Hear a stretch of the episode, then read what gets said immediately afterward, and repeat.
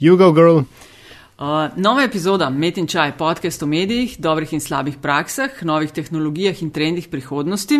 Gostje v medijih delajo, z njimi živijo in o njih razmišljajo. Gostitelja pa sva Aljaš Pengalbitenc, Radio Chaos in Nataša Briški, Metina Lista. Aljaš, zdravo. Živijo. Um, zaključuje se sezona. Komentarje, že, ja, okej. komentarje in predloge, še, odprto linijo mava, ne, dobrodošlo ostaja na infoafnametina.si ali jaža vedno lahko, ali pa recimo, da skoraj vedno, ne, a, podsukate za rokav na Afna Pengovski. Uh, jaz sem na DC43, uh, oba pa na ključniku ali pa hashtagu, ki ga spremljava, met in čaj. To je uvod. Tako je. To je uvod. uvod v, Ja. uh, eno zadnjih epizod, Aljaš. Te Se pravi, to sezone. še ni, ni, nisva čist prepričana, da je to sezon finale. A, ne, veva, na, to že veva, da ni. A že sva lani, Aha, lani redu, okej, sva uf, se do, strašil. mislim, da sredine avgusta celo. Uf, Ja. Sem pa zadnjič, pazi to, midva vse imava eno pauzo, ne? sem pa zadnjič klepetala z Matjažem uh, Gregoričem, ki dela metamorfozo. Ja. Tri leta, brez pauze delajo.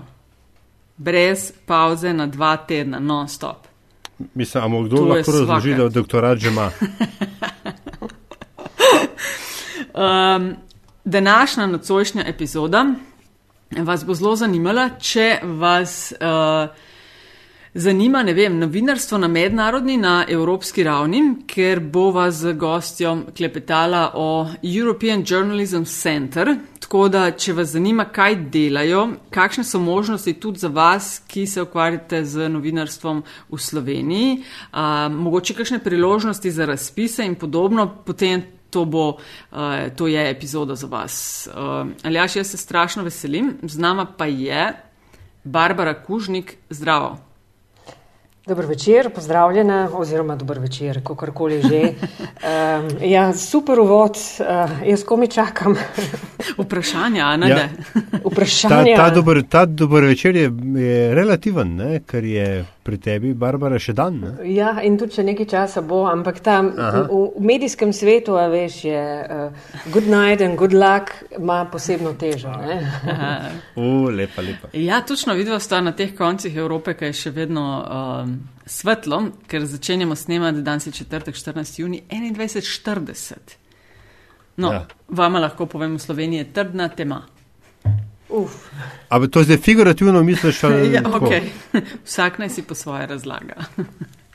um, Barbara, pozdravljena tudi v mojem imenu in uh, tako, kot je Nataša rekla, um, ko mi čakam, da povemo vse, kar si imamo zapovedati. No, ja, o tem še nismo. European Journalism Center še nisva govorila in to se mi zdi zelo fajn, da je ena domača, eh, da je ena slovenka noter v tem centru. Uh, Barbara, preden uh, čist zakopljemo v to temo, a se lahko najprej za tiste, ki te ne poznajo, sam predstaviš tvoj uh, novinarski pres bio. Ja, torej sem Barbara Kužnik, zdaj že ženska srednjih let, po poklicu novinarka in sociologinja. Bi rekla Dvakrat v greš bistvu- spat, pa se obrne, ne? Ja. Smo srednja leta. Um, ena taka nabiralka izkušenj sem. Zadnjih 14 let se prilagajam različnim državam, situacijam, profesionalnim okoljem, nabiram izkušnje.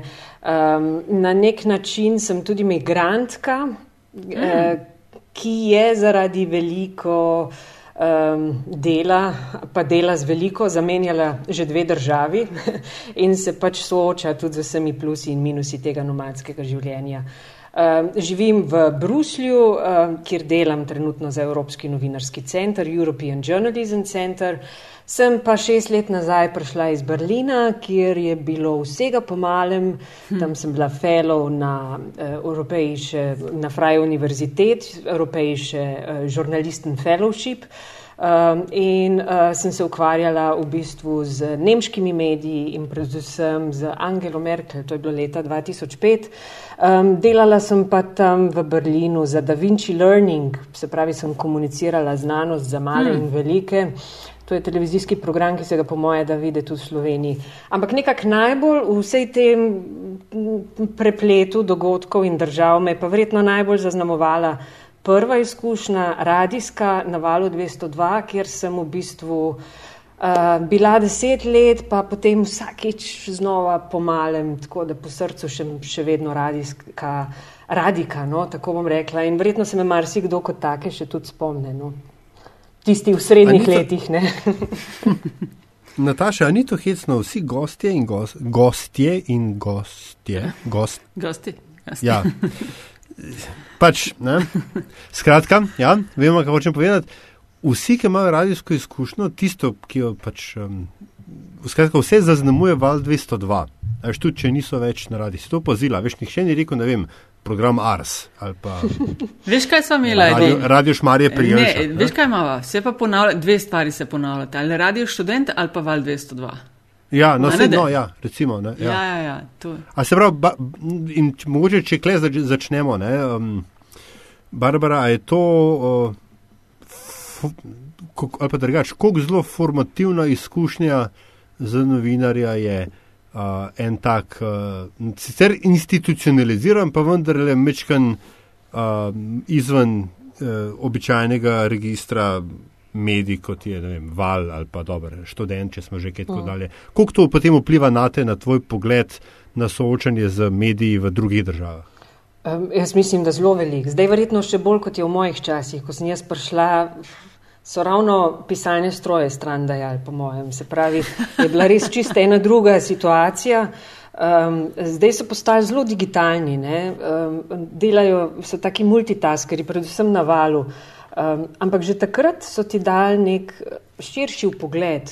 Nisi ti bil nekdo, ki pokriva samo eno področje. Ti si moral se znajti, ne vem, sred demonstracij, v katerih nič nisi vedel.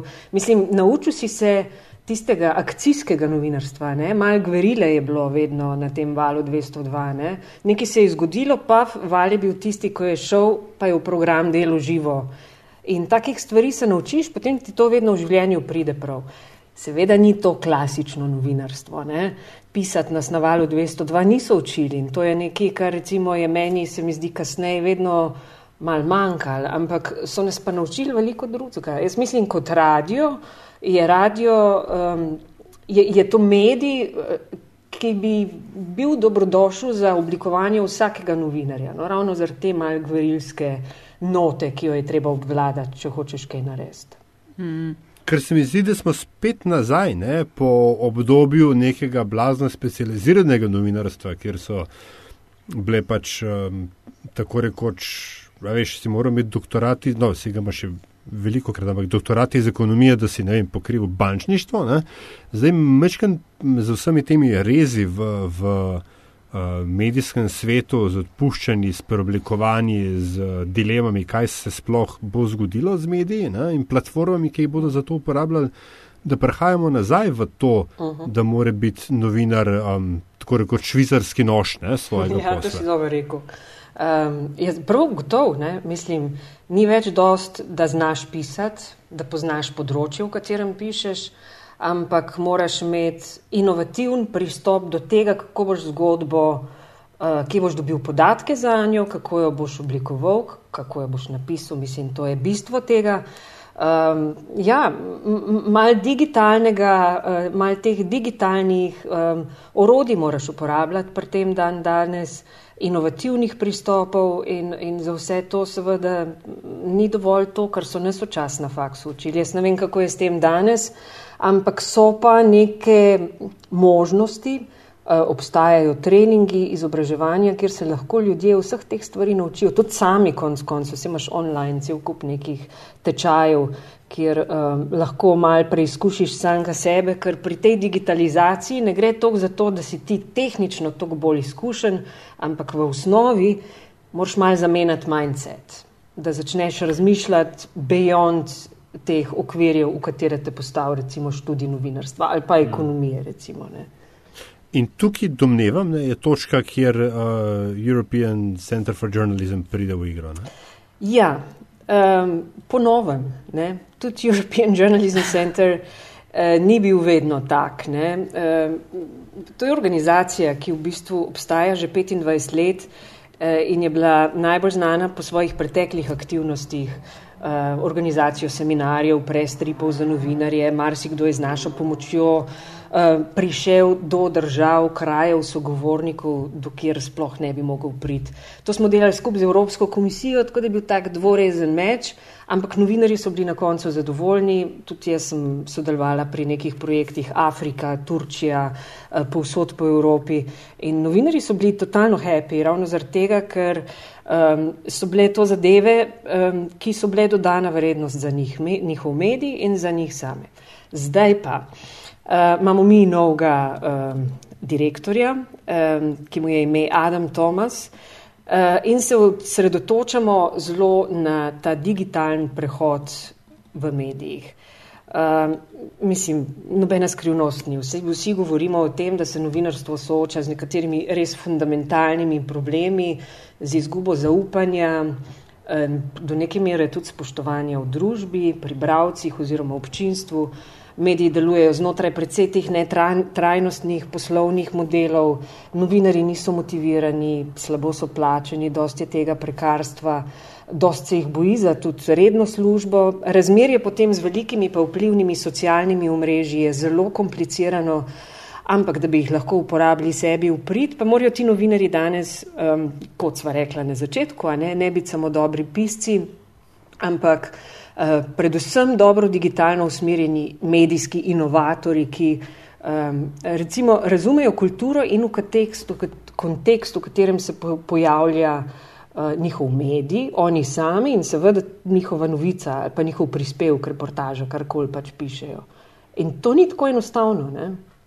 No, da je malo več, ja. mal več povej o tej, teh stvari. No? Kako to razumete na, na uh, EJC-ju, da mora novinar biti mal bolj uh, digitalna žival od tiste, ki je bilo treba biti prej? Ja, um, mislim, gre za reorganizacijo uredništev tudi, oziroma pač nekih medijskih platform ali pa kar pa koli skupin ljudi, ki se grejo medije. Um, lahko imaš ti dobrega pisca, ampak zraven moraš še imeti nekega digitalnega strokovnjaka, zato da je kontekst lahko širok. No, zdaj, EJC um, ne gre samo zdaj v tehnične aspekte tega digitalnega transformiranja Aha. medijev, ampak um, gradi tudi na nekih drugih elementih, ki so zelo pomembni pri vsem skupaj. Se pravi, eno je zaupanje občinstva oziroma pač bravcev, to je ta nek termin, ki se uporablja vse povsod, engaged audience. Um, potem je podjetništvo, se pravi inovacije znotraj teh novinarskih uredništev, medijskih startupov in uporaba izkušenj in nekih proizvodov od drugot, se pravi tudi druge v industriji se dogajajo inovacije, ki jih novinarstvo lahko s pridom uporabi um, za svoje delo. Potem so pa tukaj še ti poslovni modeli, kot sem rekla, ne, ki niso trajnostni uh, in kaj mi vidimo po svojih izkušnjah, je lahko uh, zelo dobra oblika modela, medija, uh, filantropija. Se pravi, cel kup je nekih organizacij po Evropi, ki imajo denar in so pripravljene vlagati v neodvisno, dobro, kvalitetno novinarstvo. Problem, ki smo ga mi zaznali, je ta, da se filantropi in raziskovalni novinarji ali pa kdo, tisti, ki pač rabijo denar, ne znajo med sabo srečati. Um, In um, to jim pač je treba nekako najti, ne? te uh, cross-matching projekte oziroma neke priložnosti, da, da se bo to zgodilo. Seveda pa brez uh, svobode medijev, nič tega, o čemer sem zdaj govorila, se ne more zgoditi. Uh, pozabila sem eno zelo pomembno stvar in to je novo zlato, podatki, data. Um, spremenilo se je marsikaj v načinu proizvodnje novic, od tega, kako novinari pridobivajo podatke, kje jih pridobivajo, kako jih procesirajo, kaj naredijo z njimi in kako jih potem spravijo v zgodbo in plasirajo do svojega bravca. To je v bistvu bistven del pri vsem skupaj. Um, tukaj gre seveda za to, da pač vstopajo v igro um, socialna omrežja, ki so tam in jih ne moramo pač ignorirati ampak jih lahko samo s pridom uporabimo. Se pravi, zgodba se ne konča s tem, ko jo ti napišeš in objaviš v časopisu, ampak je smisel tega, da ti zgodbi slediš, um, kaj se dogaja z njo na socialnih omrežjih, um, kdo so tisti, ki jo pobirajo, kdo jo retvita, kdo jo klika, kakšne so ta razmerja. Mislim, cel kup je nekih. Uh, metodoloških pristopov, če hočete, uh, do tega, kako ti raziščeš, kaj se v bistvu z eno stvarjo, ki jo ti napišeš, pa je včasih bilo dovolj, da je bilo samo objavljeno v časopisu, danes zgodi. Ker samo na tak način ti prideš tudi do tega, da začneš razumeti, kdo je tvoj bralec. Mi imamo zelo površne predstave o tem, kdo, so, kdo je občinstvo medijsko. Ne? Neka povprečna ocena je, kaj pa vem, radi si predstavljamo, ne, da so to um, moški ali ženske, ne vem, uh, srednjih let, zelo dobro izobraženi, uh, inteligentni in zelo dobro vejo, kaj hočejo uh, prebrati. In ne vem, to so neke take zelo um, ambiciozne želje. V resnici um, si redko kdo sploh upa priznati, da bravci oziroma potrošniki teh novic niso taki in da jih sploh ne poznamo več. Ne ta diskonekcija oziroma ta razkorak med novinarjem in bravcem se je v zadnjem času zelo razmaknil. In eden od načinov, ne, kako v bistvu um, pridobiti nazaj, če grem nazaj k tem zaupanju, ne, zaupanje bravca in občinstva je mogoče ta, da ga bolj upleteš, da ga bolj poznaš v samo medijsko produkcijo. Če, če Barbara, če zdaj tebe prav razumem ne, in uh, na tej točki se moram pohvaliti, da uh, Edama Tomasa spremljam od, še prednje postal vaš, vaš direktor. Uh -huh. Ja, slučajno. Boštjan Jerko, mimo grede Nataša, ga je, ga je, mi ga je priporočil kot. kot uh, A res, kaj si ga na Twitterju? Za zaslediti. Ja, ja, ja, ed, ed, ed data theism. Uh -huh, uh -huh. Uh, ker je pač se napelje na, na, ta, na ta podarek eh, podatkov, ne, oziroma data žurnalizma, kot se ga, se ga prej Barbara nakazovala. Ampak mi je pa zanimivo, ne, da čeprav razumem, uh, ne gre za to, da ne bi bili pač samo podatki glavni vir zgodbe, da so podatki, v bistvu, da glavni podatki, ki bi nas morali zanimati, ali pa eni od glavnih, so v bistvu podatki o tem, komu mi, ne, ali pa pač mediji, žurnalisti, svoje zgodbe sploh plasirajo, oziroma kdo jih konzumira, da so mogoče te celo kratkoročno bolj pomembni od tistih, ki potem uh, pripeljajo do pač zgodb, ki jih plasiramo. Uh, mi, um, gled, se pravi, publiki. Ne? Jaz mislim, malo težko reči, kdo je bolj pomemben. Ne? Jaz mislim, da so predvsej zanemarjeni. Ti, to občinstvo je postalo uh, ena taka ne vem, taka surrealna oznaka za ljudi, ki pač so potrošniki, ne? ki konzumirajo novice, ki jih novinari producirajo. In povezava med enimi in drugimi je pa postala taka zelo nejasna. In zdaj veliko se piše o tem, veliko govorijo o tem um, in razvijajo, ne? kako bi lahko spet prišli bližje pač temu občinstvu. Mislim, jaz, jaz mislim, da je, da je to zelo kompleksno vprašanje, da ni tako enostavno in poskusi, ki se pojavljajo, tudi mi imamo recimo en tak program, um, ki se imenuje Engage Journalism Accelerator. Um, to bo daljši projekt in bo zajemal točno to izobraževanje, povezovanje in finančno podporo novim medijem, Eh, ki že ali bi pa hotel upeljati v svoje delo večjo upletenost občinstva. Um, recimo, bravci so, kaj pa vem, člani uredništva oziroma so člani, imajo, so memberi in plačujejo nekaj za to, ampak krati pridobijo pa s tem tudi pravico, da lahko odločajo o vsebinah, ki se pojavljajo na tej medijski platformi.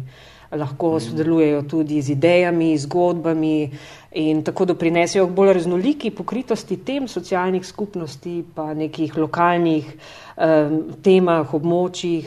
In lahko tudi v digitalni dobi malo pomagajo z denimo video materijali nekega dogodka. Se to, to se že nekako dogaja, ampak ni, ni, ni to še to. Ne? Zdaj, kakšne so te oblike, um, bo verjetno jasno v nekem času, ampak recimo mi bomo imeli projekt, ki bo dejansko s 15 štipendiji, finančnimi injekcijami pomagal evropskim uh, startupom, malim medijem, neodvisnim medijem razvijati neke modele vključevanja občinstva v njihovo poročanje. Mhm. Um, Omenila si, da je tam zunaj denar, samo da ga te, ki se recimo bolj vsebinsko ukvarjajo z novinarstvom, nekako ne najdejo pot do, do mecenov ali pa tistih, ki so pripravljeni financirati neko neodvisno novinarstvo. A ste potem vi tisti, ki želite biti recimo med tistimi, ki lahko dajo denar, na drugi strani novinarji oziroma mediji in vi kot ne vem, neki razdeljevalci te pogače na ta način? Ja. um, mislim, Kdo vas to, da... financira? Kdo vas financira? Ja, no, se to ni nobena skrivnost. Ja, to, ja. Mi pač uh, projekti, ki jih delamo, jih delamo z Googlom, uh, s Facebookom, s fundacijo Gates, se pravi Bill in Melinda Gates. Civil uh, News Integrity Initiative in potem še neki manjši, tudi še Evropska komisija v nekih research projektih sodeluje. Um, Ampak to, to niso ti filantropi, no bom rekla. Ja. Uh, ampak to so pač veliki plejeri na tem področju. Uh, s katerimi je treba sodelovati, če hočeš ostati v igri? Mislim, treba, ja, ja. Jaz mislim, da pač je smisel. Um, Mrsikdo reče, ja, pa to moralno, pa etično, pa oni so del problema, ne, niso del rešitve.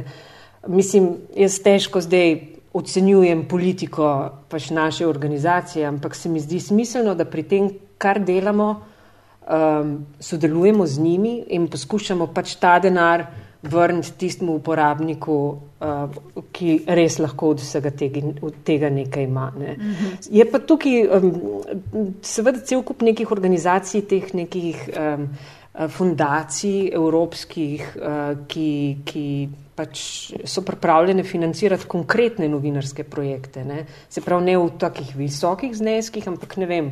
Uh, mi imamo recimo Gates Foundation, da 20 tisoč evrov na raziskovalni projekt, ki se loteva um, ženskih pravic v državah v razvoju. Recimo, to je bil primer. Um, to že nekaj pomeni. Ne? Jaz mislim, da je to denar, ki sicer ne bo, ne vem, dolgoročno pomagal nekmu novinarju ali pa projektu, ampak bo, uh, bo pa dovolj močna injekcija, da se bo nekdo lotil projekta, ki se ga sicer nikoli ne bi mogel. Recimo, ne. Mhm, se pravi, EJC, uh, v bistvu imate fundinge, organizirate delavnice, a prav uh -huh. tako razumem, aj še kaj, mislim, da sem zasledila na strani uh, Akademija News Impact, boš povedala -huh. malo več o tem. Se pravi, to so te vaše uh, dejavnosti, nekako okay, ukvarjanje s tem, kako pridobiti sredstva, ki jih potem raz, uh, razdeljujete na način, da organizirate delavnice, opolnomočenja novinarjev in podobno. Ja, ja v, v bistvu so, mislim, razdeljene so področja. Ne? Eno je, so potem grants, se pravi te štipendije, potem imamo media development, se pravi um, področje medijev, um, čist v bistvu media literacy, se pravi, gre za to, da učimo, kako delati medije, kako se iti novinarstvo. Um, naše kolege v Afriki in v Boliviji, in to so krasni projekti, um, um, ki pač so tudi financirani strani organizacij v Evropi. Potem imamo pa cel kup nekih dogodkov in najbolj pomembni med temi dogodki recimo so ti News Impact Summiti, To je pač uh, ena zadeva, in pa akademije, ki pa so izobraževalni dogodki. Um, zdaj, ti, um, te konference, ne, ki se imenujejo samiti, uh, obstajajo že od leta 2014 in so postale v bistvu eden bolj pomembnih dogodkov v Evropi na področju pač medijev. Gre tukaj predvsem za inovacije, uh, Eh, in gre za združevanje ljudi, ki pač delijo svoje izkušnje eh, na področju upeljevanja novih tehnologij, digitalnih orodij ali pa samo novih idej v neko dnevno medijsko produkcijo.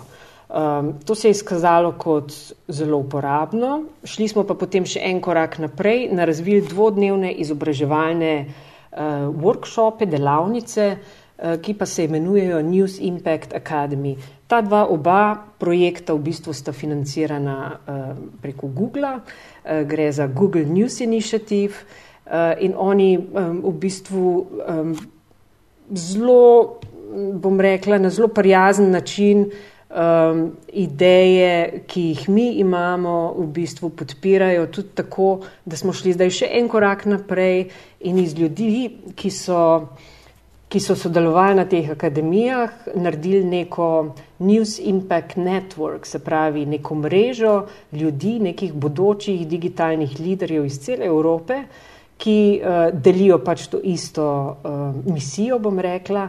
Eh, pomagati svojim kolegom doma, v svojih državah, v uredništvih, premagati to digitalno uh, obdobje prilagajanja uh, vsemu temu. Tako da to je en tak trojček, en tak ekosistem se je razvil iz uh, teh aktivnosti. No in zdaj ti samiti uh, so pač navadne konference, dogodek kot dogodek, kjer je veliko teh mednarodnih uh, govorcev um, um, in veliko mladih ljudi, predvsem študenti, zelo radi prihajajo na take zadeve. Um, um, zdaj imamo enega, kaj jim, v Parizu, kaj jim, ker te, ker te ja. prekinjam, kaj jim ponudite, kaj takšnega, da tako zelo radi pridejo? Ker če pomislim na um, novinarske dneve, ki so v Sloveniji ponavadi enkrat novembra, je, in, in se zelo trudi ekipa organizirati in zanimiva predavanja in vse, ampak na koncu je ponavadi vedno mal gre enak priokus, da manj ljudi pride, manj študenterije, manj urednikov, uh, kot bi si želeli mogoče. Ja. Kaj, kaj date? Kaj je? Ja. To je so, to vrhunski, so ja. to vrhunski spikeri ali so. A je to za ston? Nisem se tu stole v Sloveniji, no, ampak.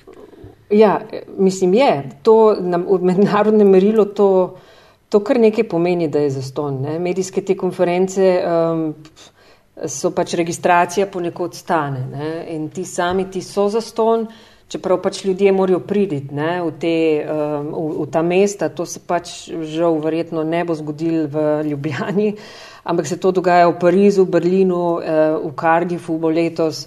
Um, tako da to je nek dodaten strošek.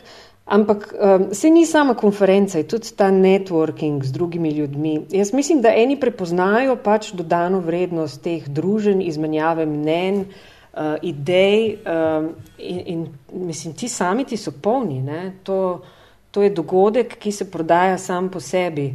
Um, je pa res, da um, mislim, slovencev ravno ne vidiš veliko, no? to pa moram priznati. In tudi sicer akademija, ki je plačan dogodek, se pravi plačan workshop.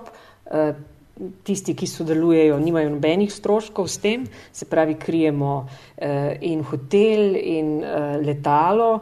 Samo za dva dni mora človek priti, eh, pripravljen na izzive. Um, mislim, včasih, kaj pa vem, se prav vprašam, ne, zakaj se vedno prijavljajo ljudje iz samo določenih držav. Ne? Ker poskušamo pa seveda um, odpreti uh, te, te stvari in se približati vsem. Ne? Mislim, Evropa je relativno velika, ampak recimo vedno je veliko prijav uh, um, iz, iz Velike Britanije, pa iz Nemčije, pa iz Švedske, pa Italija, Španija. Vedno se eni in isti prijavljajo. Ne? Tako da bi bilo zanimivo vedeti, ne, zakaj, kaj, zakaj se Slovenci bojijo sodelovanja na takih zadevah, ne, ker to bi bila dodana vrednost za njih.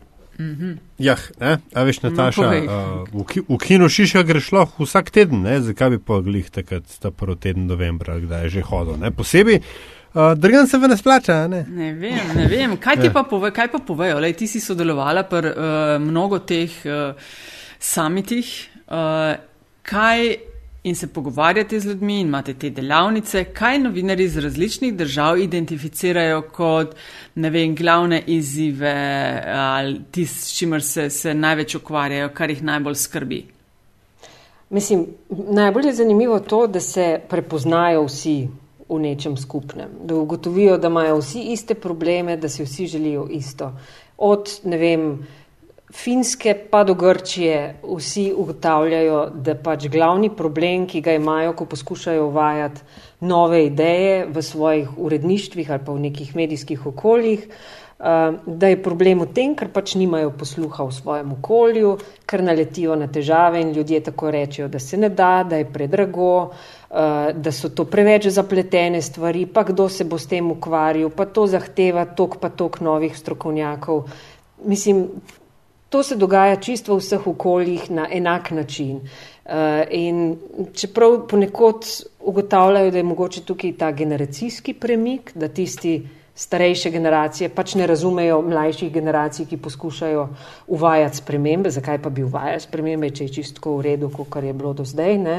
Um, ne gre toliko za generacijski razkorak, ampak gre bolj za ta mindset. Ampak to se čisto v vseh državah in jaz mislim, da novinari jih, jih to mal pomiri, ok, ne? ni samo, ne vem, na mačarskem tako ali pa v Sloveniji. Ne. Tudi na finskem imajo iste probleme, potem jih pa vprašaš, pa kaj ste pa naredili, ne. kako ste pa to rešili. Pa potem povejo, pa imaš eno idejo, aha, mogoče bi pa tudi mi probali. Ne. A pa imate vi kak model, pa imate kak, ne vem, primer konkreten, kako ste to naredili, pa bi mi to poskusili pri nas tudi. Pa potem tega človeka povabiš v tisto državo in potem se razvije iz tega neko sodelovanje, pa pride potem v Slovenijo na novinarske dneve, tis Finc, ki mu je projekt upeljevanja nekih novih digitalnih urodij v uredništvo totalno uspel in to razlaga na novinarskih dnevih, recimo. Ne.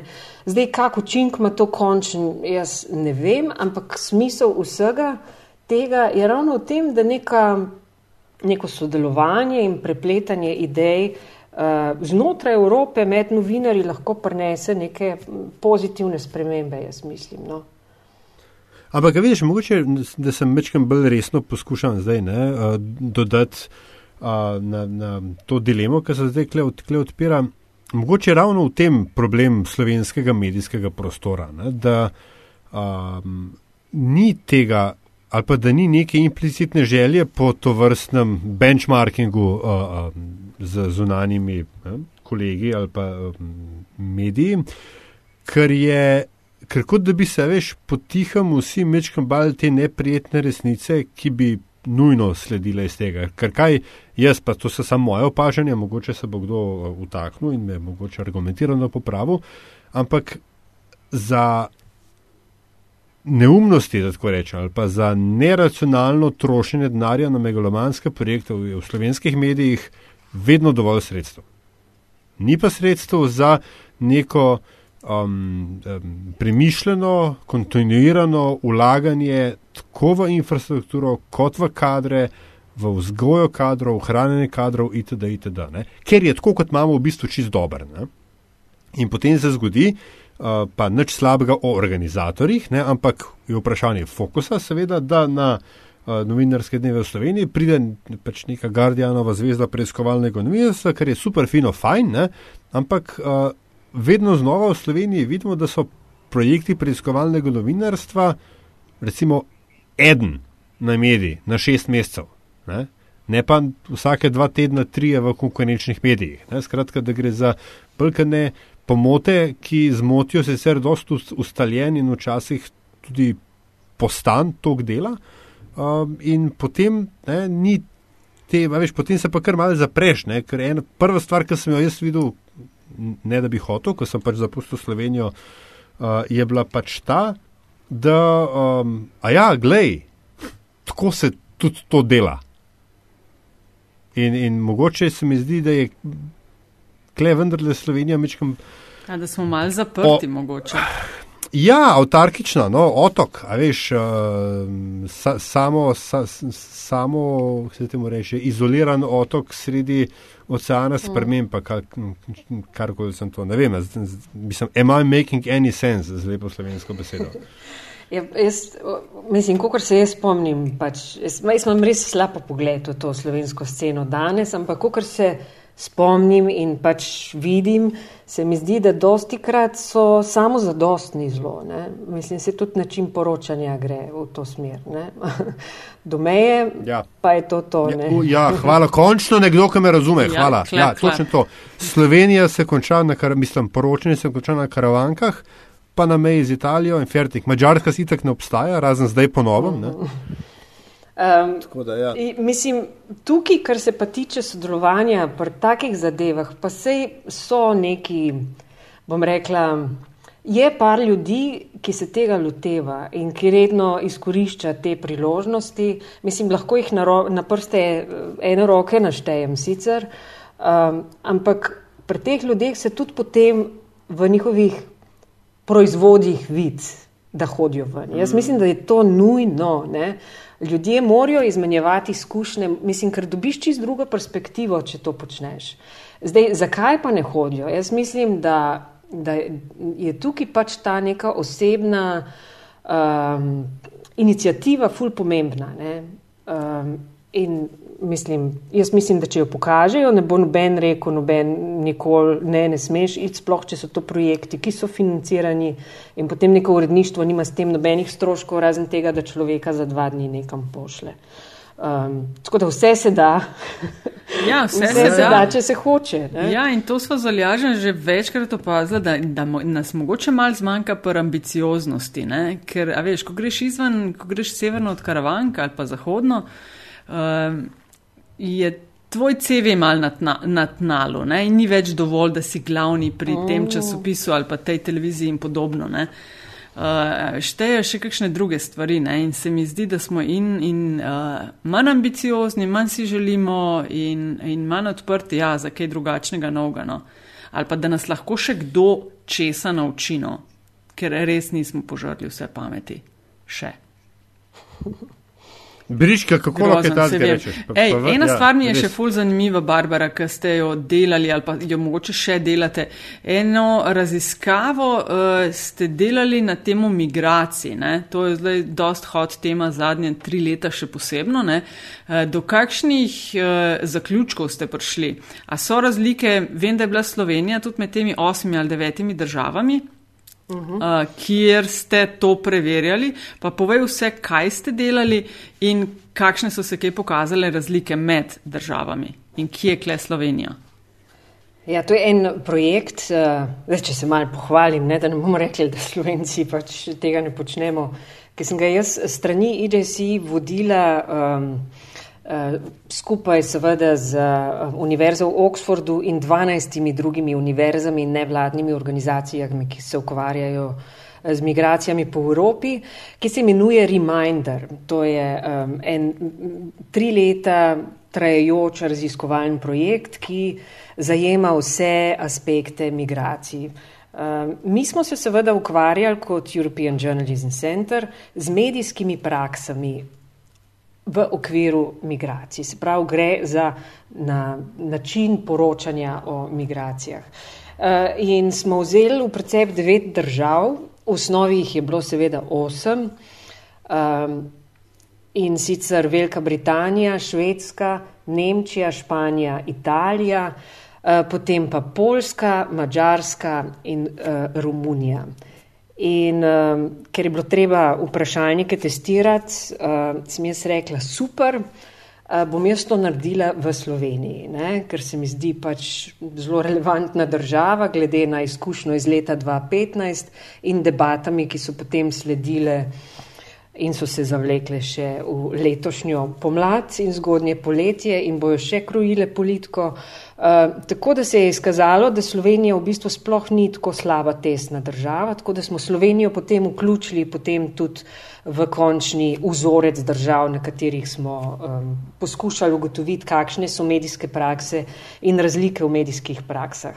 Se pravi, skupno smo govorili z 221 novinarji in njihovimi veri, se pravi, nismo govorili samo z novinarji, ampak tudi potem z nevladnimi, vladnimi organizacijami, političnimi strankami, ki so se ukvarjali s to komunikacijo okrog migracij.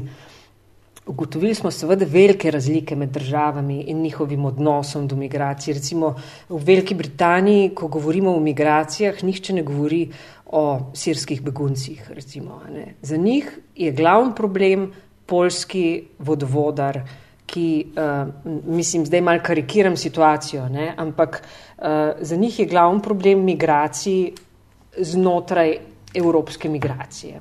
To, to je za njih glavni problem. Uh, Uh, in to je seveda krojilo in um, um, celo kampanjo in Brexit in v glavnem cela zgodba se je krojila okrog tega.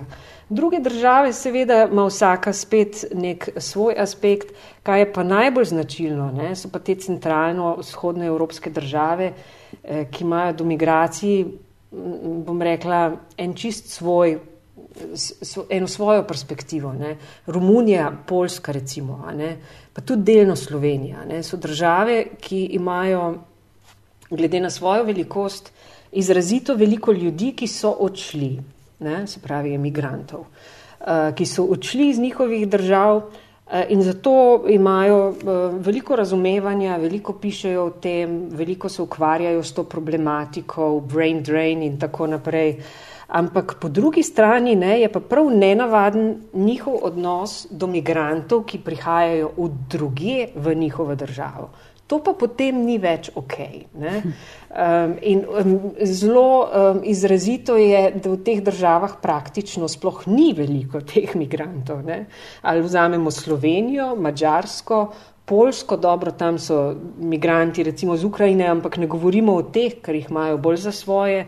Ampak to so države, ki so obremenjene z migransko problematiko zaradi čist drugih stvari, ne zaradi tega, ker bi imeli izkušnjo iz prve roke tako močno. Um, spravi je neka navidezna grožnja.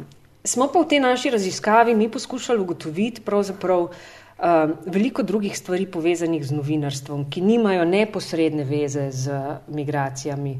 Um, recimo, mi smo vprašali novinarje, zakaj počnejo to, kar počnejo, kako se jim zdi, uh, da je njihova vloga kot novinarja, profesionalna vloga, sprejeta dan danes v družbi. Uh, kakšni so pritiski, ki jih doživljajo pri svojem delu, ali se bojijo za svojo službo. Dobili smo neverjetne odgovore. Mislim, to so bili um, res tako iskreni um, intervjuji um, in um, ugotovili smo, da obstaja med novinari, ker so pač specifični novinari, tisti, ki pokrivajo migracije, da obstaja ena velika mera tega entuzijazma, en ideološki pristop do tega poklica um, um, da delaš pravzaprav to zato, ker hočeš nekaj spremeniti v družbi. To je zelo pomembno. Ne? To marsikdo, ki se ukvarja z novinarstvom, v bistvu ali si noče priznati, ali pa reče, ja, na začetku sem mislil, da to lahko, zdaj pa vidim, da to pač sploh ni več možno. Ampak to so neki taki elementarni vzgibi, zaradi katerih se človek uh, odloči, da bo počel to, kar bo počel. Kar pa se tiče ugleda novinarstva v družbi, uh, um, so pa čisto vsi, um, od Švedske, Velike Britanije pa do Romunije, ugotavljali, da se je v zadnjem času seveda slika novinarjev v družbi precej spremenila. V enih državah bolj negativno ocenjujejo to, v drugih uh, manj. Uh, v Sloveniji so recimo zelo nezadovoljni s svojim položajem, uh, svojim socialnim okoljem, um, seveda še vedno prisegajo recimo zelo na neodvisnost svojega dela in so prepričani, da nihče ne more vplivati na njihov končni produkt, ampak paradoksalno, hkrati čisto vsi uh, govorijo od tistih, s katerimi smo govorili, da ne bo pomote, nismo z vsemi no, slovenskimi ja, ja. novinarji upravljali te, te, teh intervjujev. Uh, Um, um, so pa priznali, ker je bilo vprašanje, ali imate kdaj občutek, da na novinarske um, odločitve v vašem uredništvu vpliva neka tretja oseba, se pravi nekdo drug. In kaj smo ugotovili? Da so vsi rekli, da imajo občutek, da se pač to dogaja. Pa ne samo v Sloveniji, ampak tudi druge. Medtem ko bolj na severu, se pravi Nemci in Švedi, rečejo, da ja, seveda se to dogaja, ampak to je del igre. Ne? To je pa zdaj uh, protestantska etika in duh kapitalizma. Oni znajo recimo te stvari nekako uh, normalno upeljati v svoje delo in pri tem ostajati neodvisni, se pravi se temu ogniti. V tem našem predelu, bom rekla, centralno in vzhodno evropske države, imamo s tem problem. Ne? Pritisk je, ki povzroča cenzuro ali pa celo samo cenzuro, kar je še huje. Uh, človek si predstavlja, da dela v nekem neodvisnem duhu, uh, ampak v resnici v bistvu um, sledi, ja, sledi pravilom igre, ki jih postavlja nekdo drug. Ne. Tako da situacija je zelo taka konfuzna. Ne. In potem, ko slišiš to od ljudi, ki se ukvarjajo s tako pomembno temo, kot so migracije, potem vidiš, da, da je tukaj še veliko stvari, ki bi se dale izboljšati. Ne.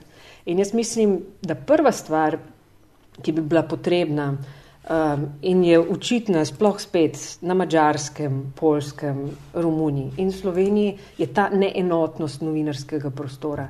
Novinarji ne nadstopajo kot enotna profesija. Mislim, ker je jasno, da imaš ti novinarje, ki so pač tudi, mislim, politično, ne bom rekla politično usmerjeni tako ali drugače, ampak pač sledijo pač svojim medijem. Uh, jaz mislim, da to ni nič posebenega. Ne? Pač so eni drugam usmerjeni kot drugi, uh, ampak ne znajo preko tega iti in ne znajo nastopati kot enotna uh, profesija. Ne? Se pravi, zastopati interese novinarstva kot, kot poklica. Uh, in to je problem, to je problem na mačarskem, recimo, ne, kjer prihaja do zapiranja medijev po celi črti. In če bi se tam novinari zedinili, pa so neki poskusi bili, uh, da rečeš, ok, ne, mislim, tukaj je pa zdaj meja in zdaj mi nastopimo pač tukaj kot predstavniki nekega poklica, ki ima neka etična merila, na podlagi katerih mi delamo. Potem stvari mogoče bile malo drugačne, ampak tukaj je toliko nekih vplivov, uh, da um, so stvari zelo zapletene. Ne. Sem jih hotel vprašati, ne, zakaj, zakaj je temu tako, ker um, recimo v Sloveniji bi bil tak zelo enostaven, pa čez prst uh, uh, odgovor, ne, da pač to zato, da, ker so uh, novinari prodali svoje deleže v firmah, kjer so delali. Recimo. Ne. Ja, mislim. Ampak. Ne, sej, mal, mal provociram, ne, ampak dajmo drugače reči. A so razlogi za na, za to situacijo podobni v teh treh državah, ki si omenila, ali so varirajo od ene do druge? Ja, mi se nismo potem spuščali v to, ali, ali, ali so ti pritiski, odkot prihajajo tisti pritiski. Ker pritiski niso vedno strani uh, vlad, recimo, ali pa politike kot take. Lahko so tudi čist gospodarski. Um. Mislim, kar se dogaja v mnogih primerjih, seveda. Uh, Um, mislim, to je seveda vredno nekega bolj poglobljenega raziskovanja uh, na vsak način. Ne. Uh, nas je presenetilo to, da smo v okviru neke raziskave o migracijah in medijskih praksah prišli do enih takih um, ugotovitev. Mislim, kar pa se migracij kot takih tiče, ne, je pa seveda še cel kup enih elementov, ki so, ki so ful pomembni. Ne. Jezik, recimo, ne. uporaba pridevnikov ob tem, ko um, poročaš o migracijah. Uporaba same besede migrant, recimo na mačarskem je to, tako ko bi rekel, uh, to je človek, ki bo prišel, pa nas bo vse pobil. Se pravi, to je beseda, ki sproža cel kup nekih negativnih uh, um, emocij v marsikateri ja, državi tudi narativ se ser, ne, borba proti migracijam, migranski val, itd., itd., ne, pač ta, take, ta. Um, you, shape it, you shape it the way you name it. Ne. Ja, tako. Ne, tako. A, eno, eno vprašanje imam še, Barbara, pa, um, po tvojih uh, opažanjih ali pa vsem tem, a obstaja kaj, čemu bi se lahko reklo evropski medijski ali pa novinarski prostor? Hm. Mislim, ja, ampak Evropa se ne začne, pa konča pri EU. uh, eh, mislim, jaz mislim, da ko govorimo o evropskem medijskem prostoru, je pač seveda zelo raznolik, uh, ampak je treba zajeti tudi še kako regijo zraven, pa kako državo zraven, pa malo razširiti to celotno območje. Uh, ker govorimo o medijih, svobodi medijev in o nekih evropskih standardih, bom rekla, ne, -hmm. ki govorijo o tem, kaj je svoboda medijev, pa demokratične družbe ni brez svobodnih medijev in tako. Mislim, se ne rabimo delečiti, pa vidimo, kakšna je situacija. Uh, gremo v našo bivšo državo, a ne že tukaj na Balkanu. Imamo zelo veliko uh, dobrih primerov, ne, kako bi se dalo to malce izboljšati. In recimo, ja, tukaj pa potem še okrog. No. To, evropski, jaz mislim, evropski medijski prostor bi, bi moral zgraditi neke skupne normative ne? uh, in mal več spodbujati to meddržavno ali pa medregijsko sodelovanje v tem smislu, kar se že dogaja do neke mere, ampak je ta delitev medijskega prostora na vzhod in zahod ali pa na sever pa jug, mislim, kar hočeš, ne, je še vedno zelo občutna, ne, zato ker je pač tradicija medijev. Um, Drugačna, ne? drugačna ne?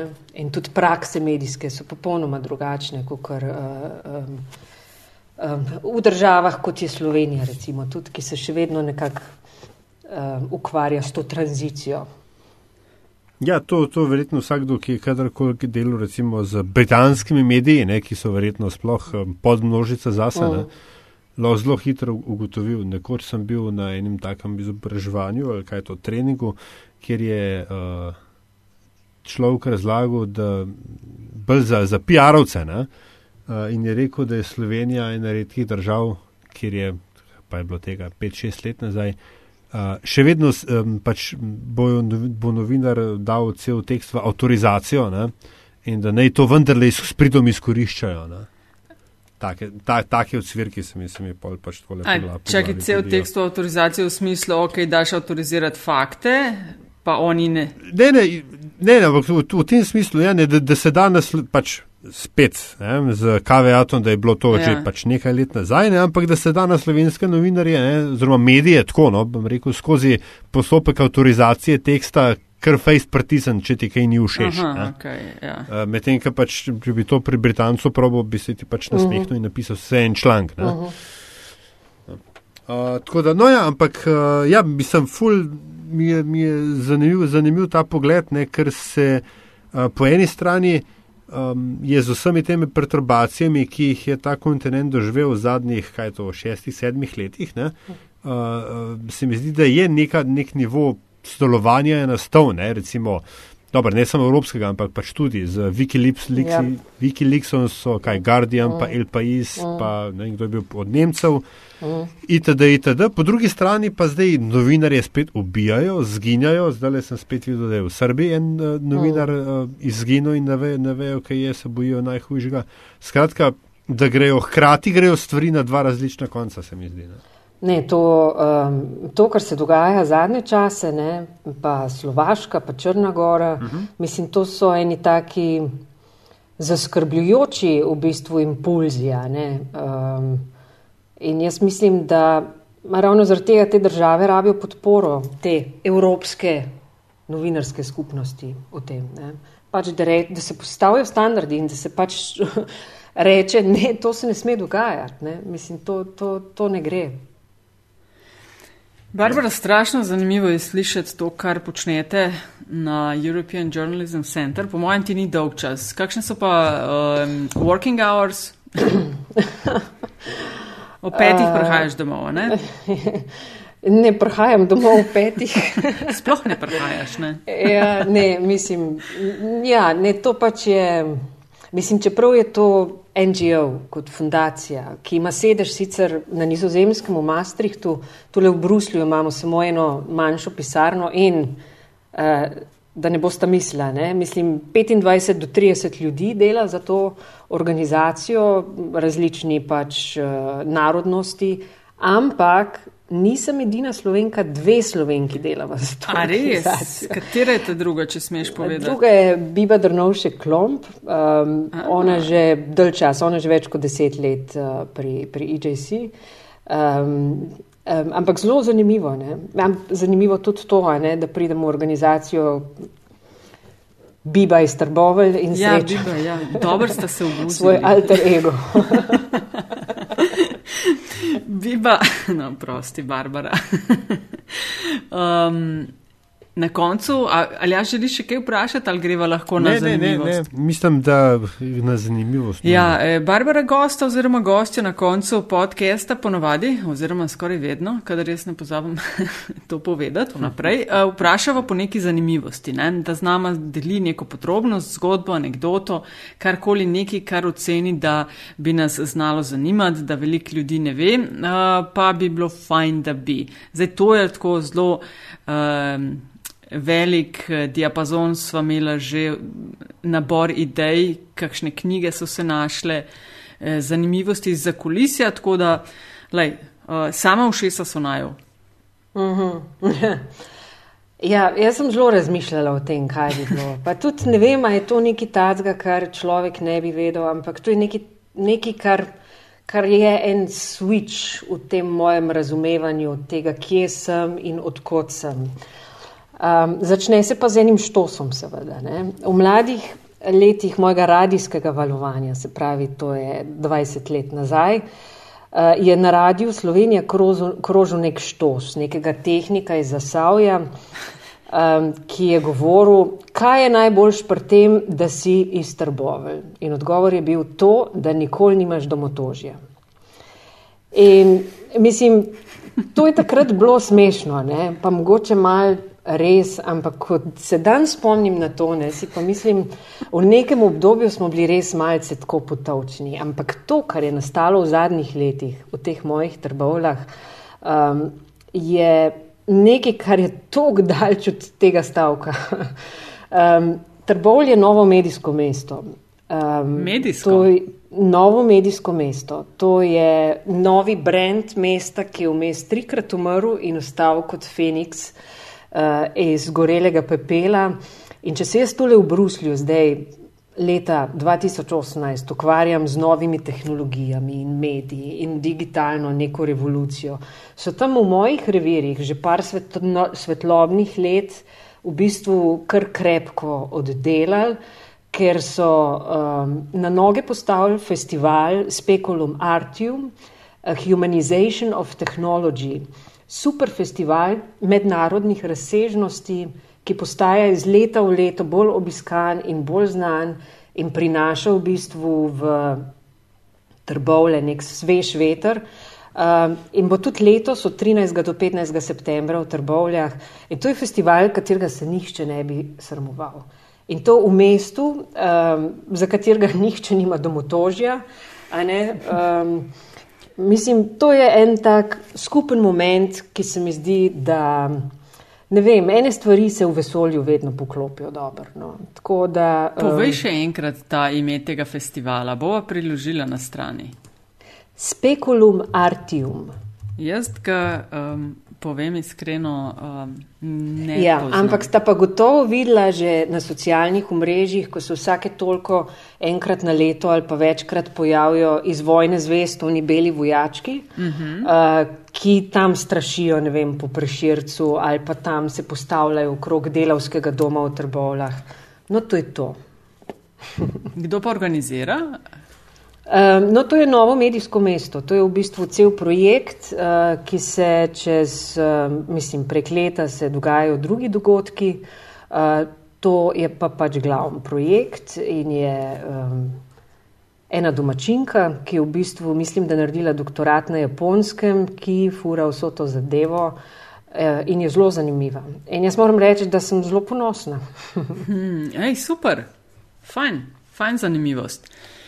Eh, in tako smo prišli do konca. Ne? A želiš še kaj dodati vsemu, kar si že, Barbara? Uh, Pozdravljati vse, ki te poznajo, recimo. Absolutno. ja. Glede na to, da smo govorili o migracijah, medijih, novinarstvu, ja. um, se sem že prej na začetku rekla. Ne? Good night and good luck, je rekel dobri stari Mori. Um, in to je to. Ne? Mislim, so stvari, ki um, so pač pomembne v življenju. In, uh, ko govorimo o medijih, ne, je treba slediti um, in ostati na pravi strani. Barbara, najlepša hvala za tvoj čas. Um, pa, ne, kar tako naprej. Hvala vama, bilo mi je veliko veselje. Enako, Čaj Barbara. Ja. Čaj bo pa kdaj drugič. Nadaljavo, virtualno. Prideva v Bruselj. To je new media. Ej, povej še, kje se te da dobiti na Twitterju? Um, ja, um, ker um, nisem kreativna na socialnih omrežjih preveč, je kar Barbara Kuznik, um, Afna Barbara Kuznik, um, sem tudi na Facebooku, celo na SoundCloudu, kakšni stari podcasti se bojo tam našli, um, pa na medijumu, seveda, kjer za zdaj ni prav veliko, ampak bo v prihodnosti še kaj več. Ja, sem opazil, da si gor začela objavljati. Fajn, veš kaj čistko. Pa še pa še EJC.net ne? Ja, in tako dalje. ne? Tudi povedati. ja, EJC.net je um, EJC pač European Journalism Center, naša spletna stran, uh, kjer je vse na dolgo in široko razloženo, kakšni so projekti, kakšne so možnosti uh, tudi za Slovenijo in za slovenske novinarje. Uh, EJC.net je na Twitterju in redno objavljamo seveda vse in štipendije, konference, workshope, tako da stay tuned. Bomo, lej, tudi spremljali to, ko boste imeli ta summit vrh v Parizu naslednje dni. No, krasno, hvala. Barbara, hvala.